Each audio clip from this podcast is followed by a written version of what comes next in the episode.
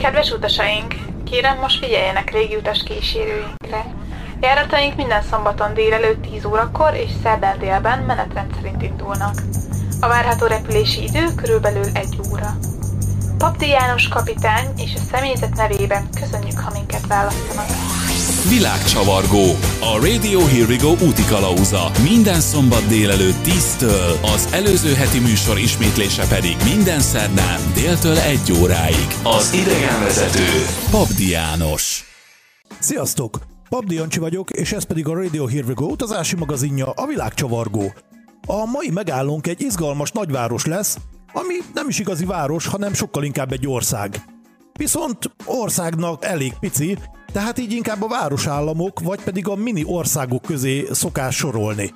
Teljesen jogosan, hiszen bár mérete csak egy picivel nagyobb, mint Budapest, ám lakossága meghaladja Írország teljes lakosságát, és a világ egyik legversenyképesebb, leggazdagabb, legkevésbé korrupt országai közt tartják számon.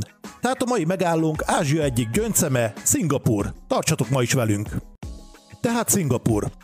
Ha a repülővel érkezel ebbe a picinke kis ázsiai országba, akkor nagy valószínűséggel a szingapúri Jewel Changi repülőtérre fogsz érkezni, és már a repülőtéren az egyik ámulatból a másikba fogsz esni, hiszen a 2019 áprilisában az utazóknak átadott létesítmény egy kisebb meseváros, ami egy luxusszálloda, egy bevásárlóközpont, egy hatalmas szabadidős komplexum, illetve egy botanikus kert ötvözése egy modern repülőtérrel.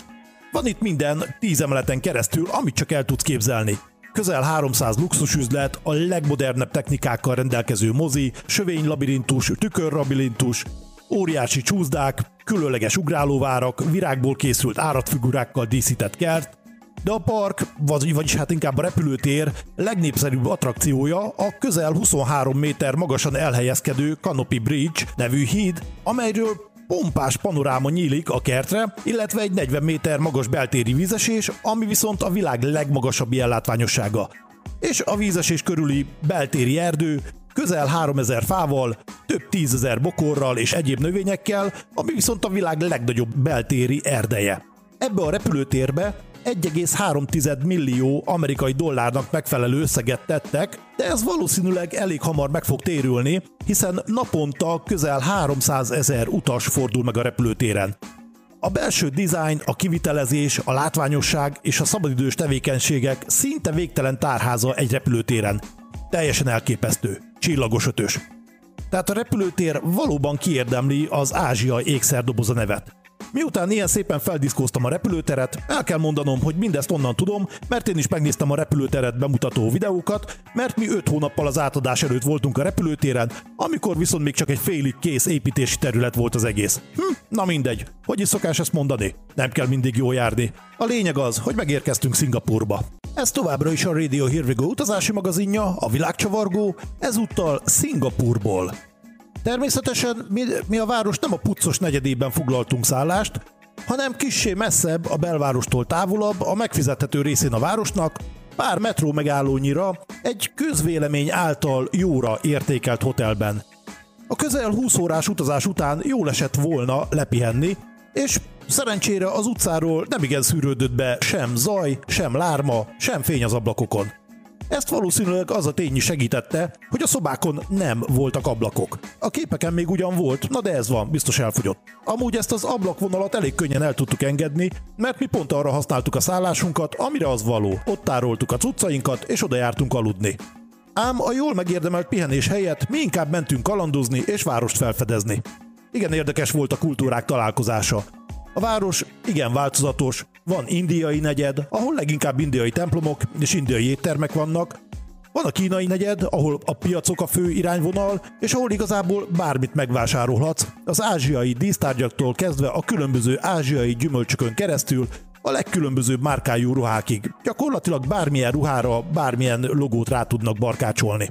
És persze van a belvárosi üvegpalotás, toronyházas negyed, a nagy puccos irodaházakkal, és a mindenki ismert hajós kaiba is itt található, a Marina Bay Sands. Igen, igen, aminek a tetején ott van a medence az 57. emeleten.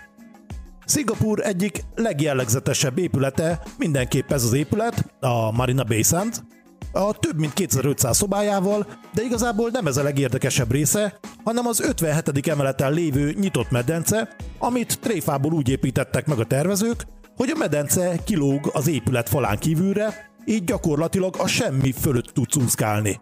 Ezt az élményt azonban sajnos csak a szálloda vendége élvezhetik, akik megfizetik a szállodának az árát. Viszont szintén itt található egy olyan tetőkocsma, ami viszont mindenki előtt nyitva áll, és aránylag megfizethető árak mellett tudsz sörözni, koktélozni a város fölött, miközben zavartalan 360 fokos panoráma tárul eléd. A belváros üvegpalotái felhőkarcolói valóban impozáns látvány nyújtanak, akár nappal, akár éjszaka. Ezek az épületek a helyi és a világszintű kereskedelemnek és pénzmozgásnak az egyik fő helyszínei. Természetesen az itt dolgozó és jól megfizetett alkalmazottakat várja az épületek tövében a pihenő, a szórakoztató részleg, így a kocsmák és az éttermek sokasága is. Amire nekünk személyesen rá kellett jönni, az többek közt az, hogy Szingapurban sörözni nem nagyon kell elmenni, mert nagyon-nagyon nem szégyellősek, amikor a számlát írják. Konkrétan két korsó sör és egy koktél után fizettünk 45 euró 50 centet. Pislogtunk is, mint pocok a nullás lisztben, amikor hozták a számlát ezekkel a számokkal. Szerintem aznap este velünk kifizettették az egész csehó havi bérleti díját, és igen nagy csodálkozás volt, hogy mindez a Marina Bay tetején egy ugyanilyen kör gyakorlatilag kevesebb, mint a felében megállt. Viszont apró öröm, de láttunk egy Lamborghini rendőrautót is. Esténként a belvárosban a már említett szállodára vetítve látványos, olykor 10-15 perces lézershow is szórakoztatja az ide látogató turistákat, és az országban élő több mint 5 millió igen színes összetételű lakosságot, akinek a mindennapjaiba fogunk azonnal bepillantani. Ha a Szingapurba látogatsz és nyitott vagy a különböző kultúrák gasztronómiájára, akkor az egyik legjobb helyen jársz. Megtapasztalhatsz igen érdekes dolgokat, hiszen kínai, indiai, maláj, arab, zsidó, táj, japán és európaiak alkotják a lakosság összetételét, ezért igen gazdag a kulturális, a vallási és a gasztronómiai keveredés a városban, vagyis hát az országban. Attól függ, hogy nézzük. Az egyik nap mi például kitaláltuk, hogy táplálkozzunk valami nagyon helyit, és be is mentünk egy indiai, hm, hát nevezzük talán étteremnek, ahol rövid activity mutogatás kategória után rendeltünk valamit, amire mi is igen kíváncsiak voltunk, hogy vajon mit sikerült rendelnünk, hogy sikerült a mutogatás. Ugye mi nem beszéltünk indiaiul, viszont ők meg nem beszéltek angolul és magyarul sem, így vártuk a, a mutogatás eredményét. Végeredmény, rendeltünk két köris csirkét, ami úgy nézett ki, mintha a csirkét kalapáccsal verték volna agyon, és úgy volt tálalva helyi szokás szerint banánlevélen és természetesen kézzel fogyasztva. Illetve adtak valamit, ami eleinte színhúsnak tűnt, ám később kiderült, hogy a látszat néha csal, mert ez valamilyen talán állatnak valamilyen nyúlós, nyálkás, mócsingos alkatrésze volt. Pislogtam is, mint az Icarus féklámpa, miután megkóstoltam. Hát nem, nem annyira volt finom. Még szerencse, hogy volt nálunk Jéger Whisky Vodka kombó, amivel szét tudtuk csapatni ezt a gasztronómiai melléfutást. Később ettünk egy úgynevezett pizzát is, amit pizza néven árultak, ami lapos volt, mint a pizzák, ám leginkább az Indiából talán ismert úgynevezett naan bread alapja volt az egésznek. Furcsa volt, furcsa volt, viszont ízre nagyon jó volt. A helyi táplálkozásunk alapját egyébként a szinte minden sarkon árusított kókuszhéjban felszolgált kókusztejből készült kókuszfagyi, illetve a már fent említett alkoholos folyadék alkotta.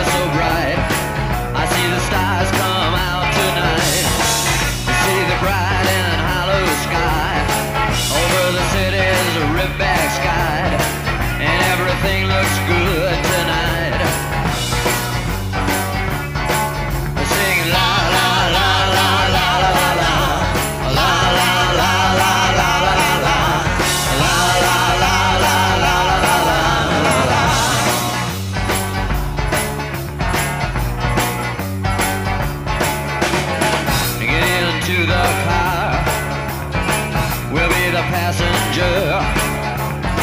We'll ride through the city tonight. We'll see the city's ripped back sides. We'll see the bright and hollow sky. We'll see the stars that shine so bright. The stars made for us tonight.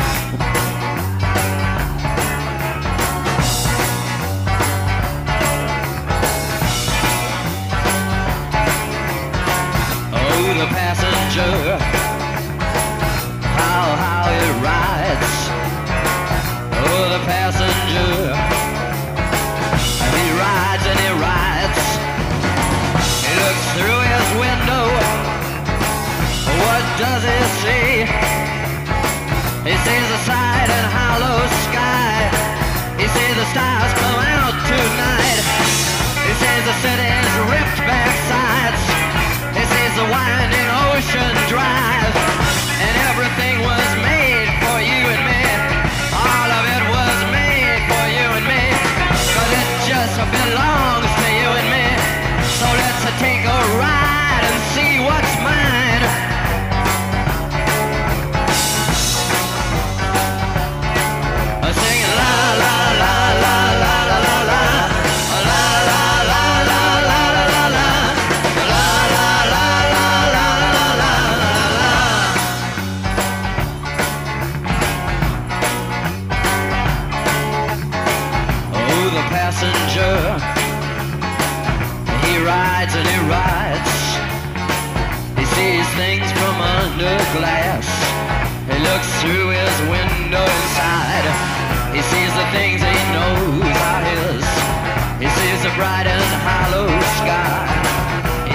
City.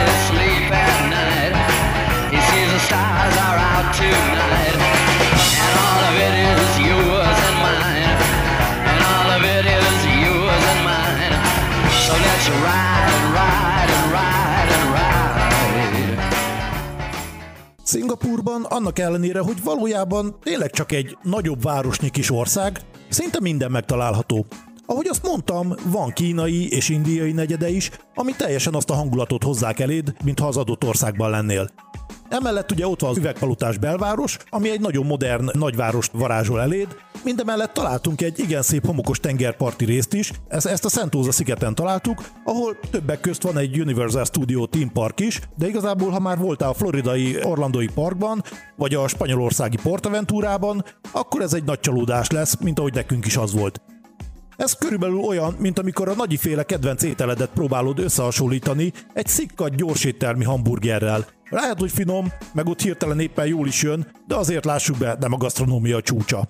Viszont emellett rengeteg kikapcsolódási lehetőség van még a városban, hát vagyis országban.